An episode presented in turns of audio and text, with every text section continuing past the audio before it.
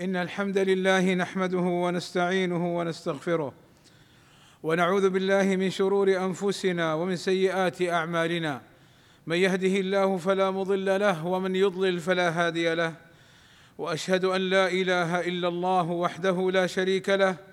وأشهد أن محمدا عبده ورسوله. يا أيها الذين آمنوا اتقوا الله حق تقاته ولا تموتن إلا وأنتم مسلمون. يا أيها الذين آمنوا اتقوا الله وقولوا قولا سديدا. يصلح لكم أعمالكم ويغفر لكم ذنوبكم. ومن يطع الله ورسوله فقد فاز فوزا عظيما. إن أصدق الكلام كلام الله وخير الهدى هدى محمد صلى الله عليه وسلم. وشر الأمور محدثاتها وكل محدثة بدعة وكل بدعة ضلالة وكل ضلالة في النار. أما بعد فلا ينبغي للمسلم العاقل أن يشتغل بأمر لا يعلم صحته من عدمه لأنه مسؤول عنه. قال تعالى ولا تقف ما ليس لك به علم إن السمع والبصر والفؤاد كل أولئك كان عنه مسؤولا. فالمعنى لا تتبع يا عبد الله ما ليس لك به علم بل تثبت في كل ما تقوله وتفعله فلا تظن ذلك يذهب لا لك ولا عليك. لأنك ستسأل عنه. فالواجب على كل واحد منا أن يتكلم بعلم أو أن يسكت. ومن هنا نعلم أن الواحد منا يجب عليه الا يستعجل في نشر الأخبار والكلام حتى يتثبت. قال تعالى وإذا جاءهم أمر من الأمن أو الخوف أذاعوا به. ولو ردوه إلى الرسول وإلى أولي الأمر منهم لعلمه الذين يستنبطونه منهم. ولولا فضل الله عليكم ورحمته لاتبعتم الشيطان إلا قليلا. قال أهل العلم في الآية النهي عن العجلة والتسرع لنشر الأمور من حين سماعها والأمر بالتأمل قبل الكلام والنظر فيه هل هو مصلحة فيقدم عليه الإنسان أم لا فيحجم عنه. بل من ينقل الأخبار والكلام من غير أن يعلم صحته قد يقع في الكذب.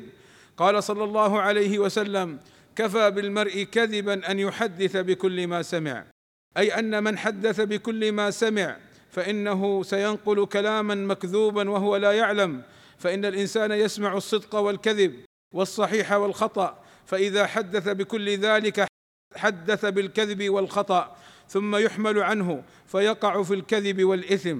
قال حبيب بن أبي ثابت رحمه الله تعالى الذي يروي الكذب هو الكذاب.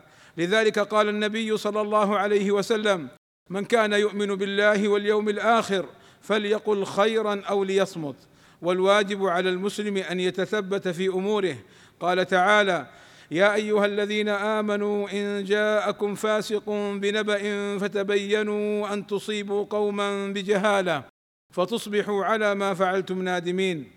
خاصة زمن الفتن وإذا صار الناس يتخبطون ويكثرون من القيل والقال بلا تثبت ولا بينة حتى لا يقع الإنسان في المهلكة ولا يقول المسلم الناس تقول كذا وكذا.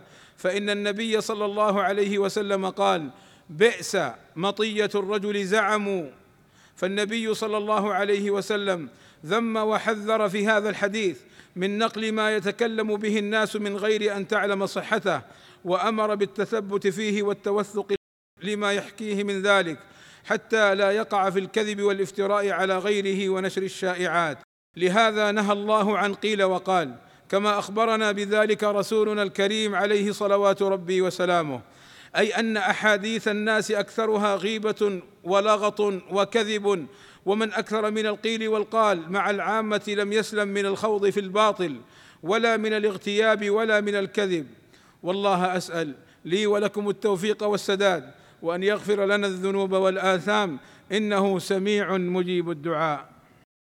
الحمد لله رب العالمين والصلاة والسلام على المبعوث رحمة للعالمين وعلى آله وصحبه أجمعين. عباد الله إن الشائعات المغرضة هي التي أحدثت في الإسلام شرخا عظيما ونقصا كبيرا فللشائعات أضرار كبيرة وخطيرة على الفرد والمجتمع.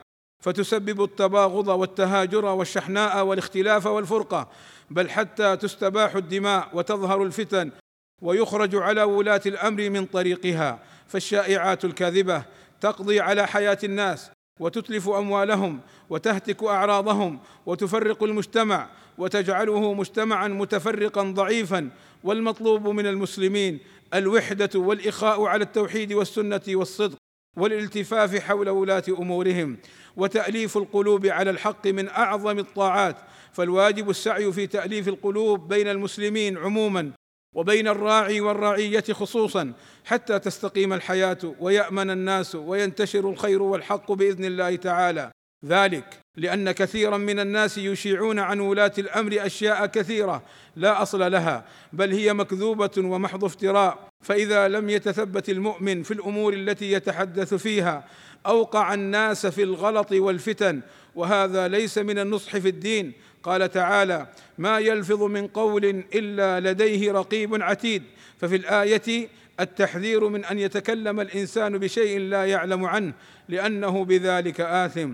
وقال صلى الله عليه وسلم كفى بالمرء كذبا أن يحدث بكل ما سمع. عباد الله إن الله وملائكته يصلون على النبي. يا أيها الذين آمنوا صلوا عليه وسلموا تسليما.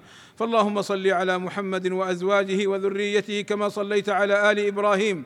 وبارك على محمد وأزواجه وذريته كما باركت على آل إبراهيم إنك حميد مجيد. وارض اللهم عن الخلفاء الراشدين أبي بكر وعمر وعثمان وعلي وعن جميع أصحاب النبي صلى الله عليه وسلم والتابعين لهم بإحسان وعنا معهم بمنك وكرمك. اللهم آتنا في الدنيا حسنة وفي الآخرة حسنة وقنا عذاب النار. اللهم فرج همومنا واكشف كروبنا ويسر أمورنا. اللهم اغفر للمسلمين والمسلمات والمؤمنين والمؤمنات الأحياء منهم والأموات. اللهم وفق ولي أمرنا الملك سلمان بن عبد العزيز وولي عهده الأمير محمد بن سلمان لما تحبه وترضاه. وأصلح بهما البلاد والعباد واحفظهما من كل سوء. اللهم أيدهما بتأييدك ووفقهما بتوفيقك وأعز بهما الإسلام والمسلمين. والصلاة والسلام على المبعوث رحمة للعالمين. والحمد لله رب العالمين.